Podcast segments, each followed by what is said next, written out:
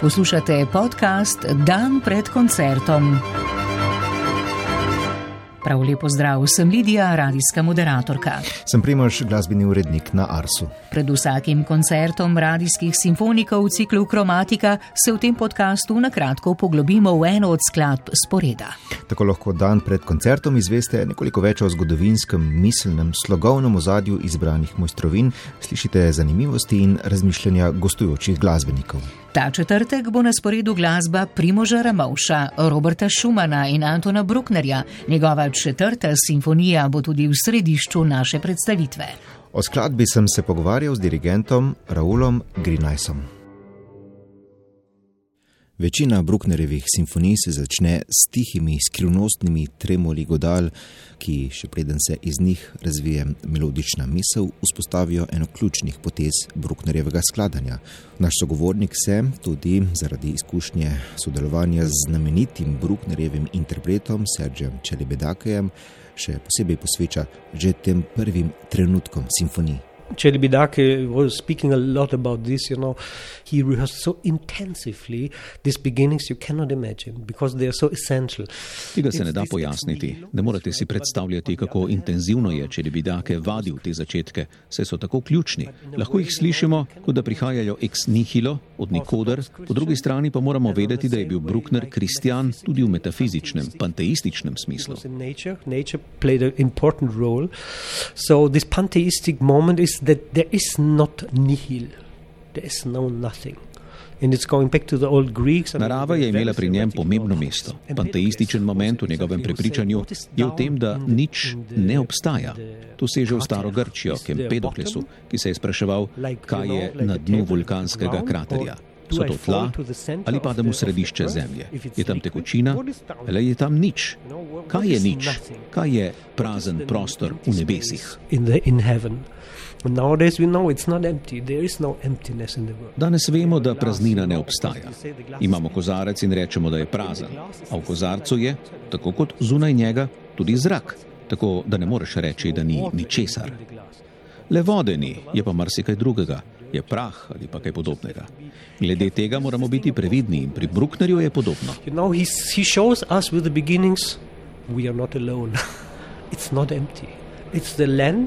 to the ear, and then suddenly you hear this, the space, you hear this. The... S temi začetki nam govori, da nismo sami, da praznine ni, Predstavljamo si jih lahko, kot da si k ušesu približamo lečo in tako lahko zaslišimo okolico, prostor, osnovne vibracije. Spet se lahko spomnimo na Grke, na harmonijo nebesnih sfer, zvest, ki se gibljajo in vsak njihov premik povzroči zvok. Ni gibanja brez zvoka. Ta povečava nebesnih zvokov, o tem Bruckner razmišlja na začetkih simfonij. What, uh, what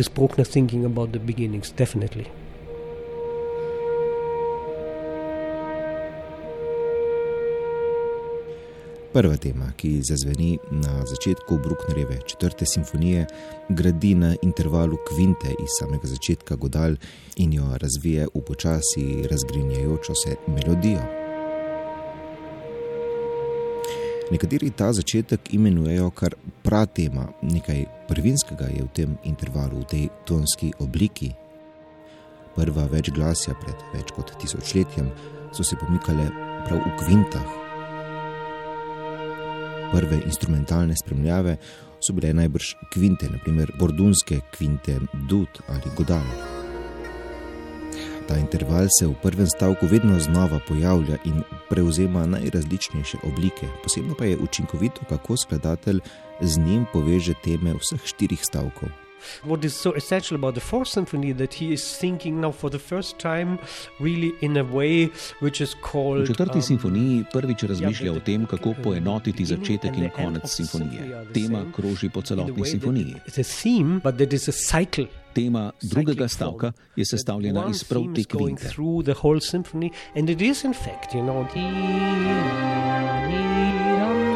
It's the same fifths, yeah, in the second movement. Then pam, para, pa, pa, pa, para, para, pa, pa, pa. It's the same basic material. In Isti osnovni material gradi vse štiri stavke, hkrati pa so teme vseeno tako različne in to je čarovnija in mojstrstvo Brucknerja.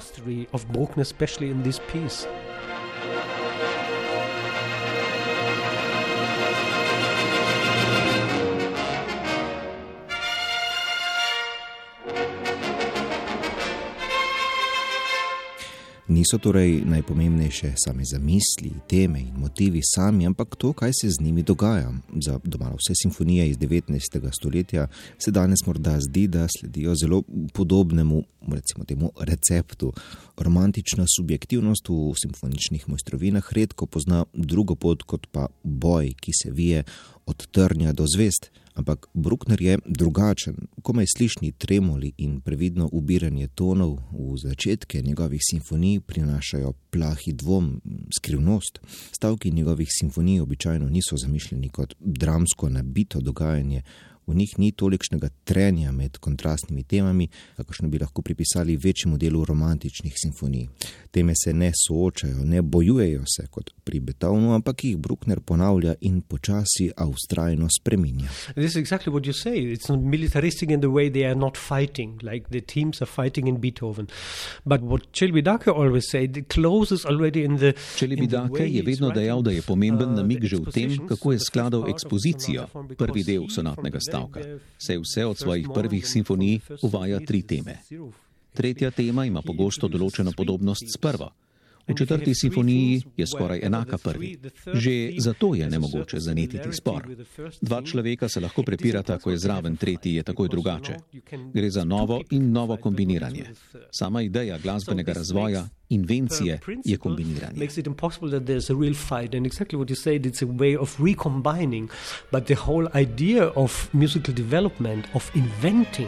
Is of combination.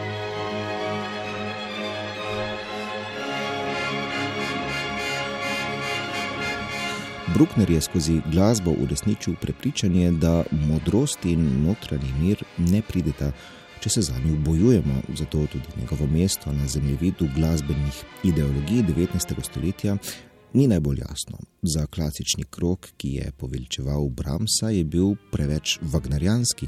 Za vagnarjanski krok progresivnih skladateljev, ki je razvijal tudi simfonične pesnitve in drugo programsko glasbo, pa se vendarle zdi preveč zaprt v tradicionalno simfonično štiristavčno strukturo.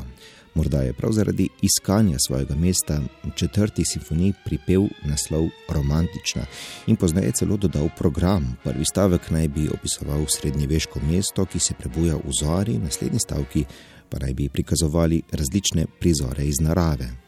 He was not willingly, so to say, automatically in the wrong party. Nehote se je znašel v krogu Wagnerja in Lista, študiral je Berlioza, del tega kroga je ideja programske glasbe in čutil je obvezo, da kombinira svojo glasbo s tem načinom razmišljanja o glasbi. Pure nonsense, of course, because if some music stands for itself without any program, then it's the music of, of Bruckner. To je čisti nesmisel. Če lahko katerakoli glasba obstoji sama zase, brez kakršnega koli programa, je to Brucknerjeva glasba. Celo Bramsu bi lažje pripeli programe, saj imamo pri njem povezavo s samospevi in literaturo. Seveda bi lahko rekli, da je trio skerca umeščen v gost in da se na koncu pojavi ljudsko rajanje, velika gostija, narava je prisotna v klicih rogov. A to je tako banalno in poslušalcu ne pomaga, se to lahko vsak opazi in občuti že sam.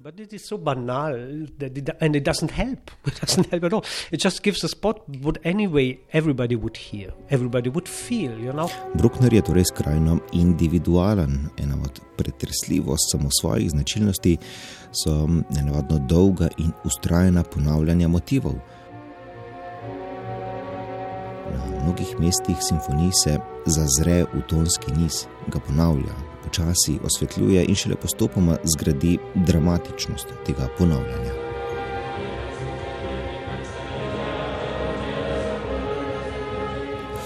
V tem bi skoraj lahko slišali mantre, religiozno ponavljanje izrekov, odgovorov, molitev. It is a moment of prayer. It's amen, amen, and so on, you know. Res gre za moment molitve. Ako pri molitvi ponavljaš besede, izreke, imaš izhodišče, ki je novo, ponavljanje pa to izhodišče krepi.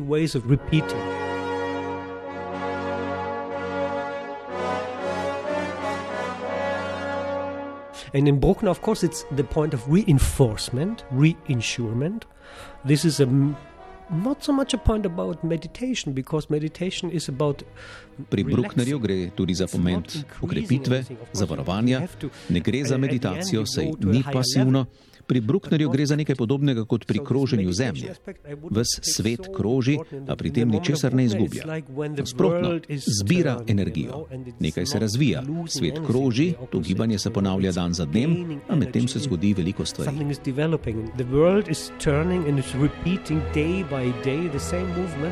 ponavljanja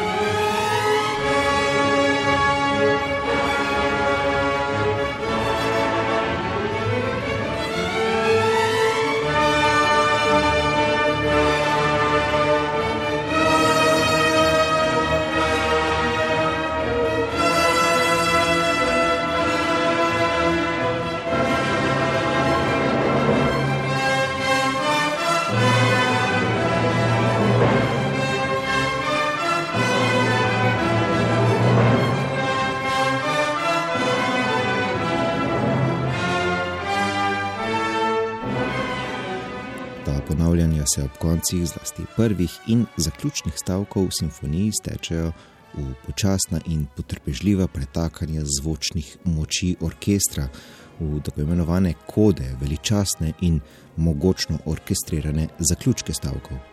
It's a summary. That's very clear. It's the summary. And with the fifth symphony, where he all for the first time he. To je povzetek. Poznaje je v Kodi, v peti simfoniji, prvič uspel kombinirati vse teme simfonije. Seveda je odrasel s Palestrino in strogim stavkom, s strogimi pravili vodenja glasov, temu se ni nikoli odrekel, niti v teh kodah.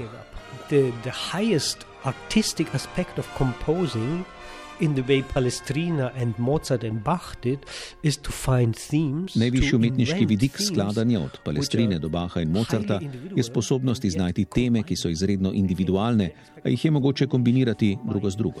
Ta pot kombiniranja, zaključevanja vsega, vsebine cele simfonije, ne le stavka, ta pot dobi smisel in pomen v kodi zadnjega stavka.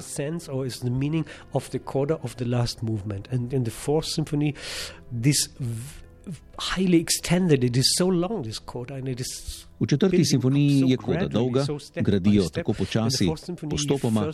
Tu je prvič dosegel vtis, da zazveni kot povzetek in pregled celotne simfonije, ne le finale.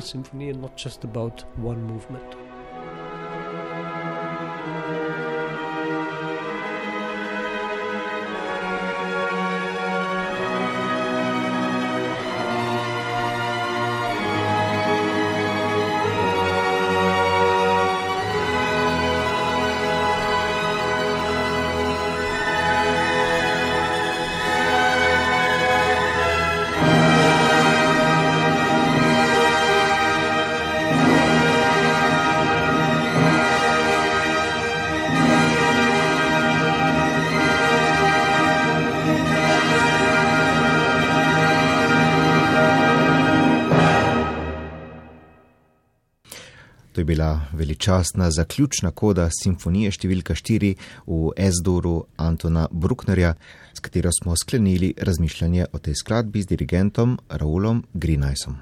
V arhivu Simfoničnega orkestra RTV Slovenija je nekaj odličnih izvedb te simfonije. In slišali smo odlomke dveh posnetkov s samom Hubadom in Antonom Nanutom. V četrtek bomo na šestem koncertu kromatike poslušali še delo Musique Finebre Primoža Ramovša in koncertno skladbo za štiri rogove in orkester Roberta Schumana. Z radijskimi simfoniki bodo nastopili mladi hornisti Jože Rošer, Blaž Ogrič, Gašpar Okorn in Petar Kšenek. Vabljeni v Galosovo dvorano na koncert ali pa k poslušanju prenosa na programu Ars. Uvodna in zaključna glasba vsake epizode podcasta je delo Alda Kumarja, prevode je bral Matej Rus. Dan pred koncertom najdete na spletni strani programa Ars in v vaši izbrani aplikaciji za podkaste.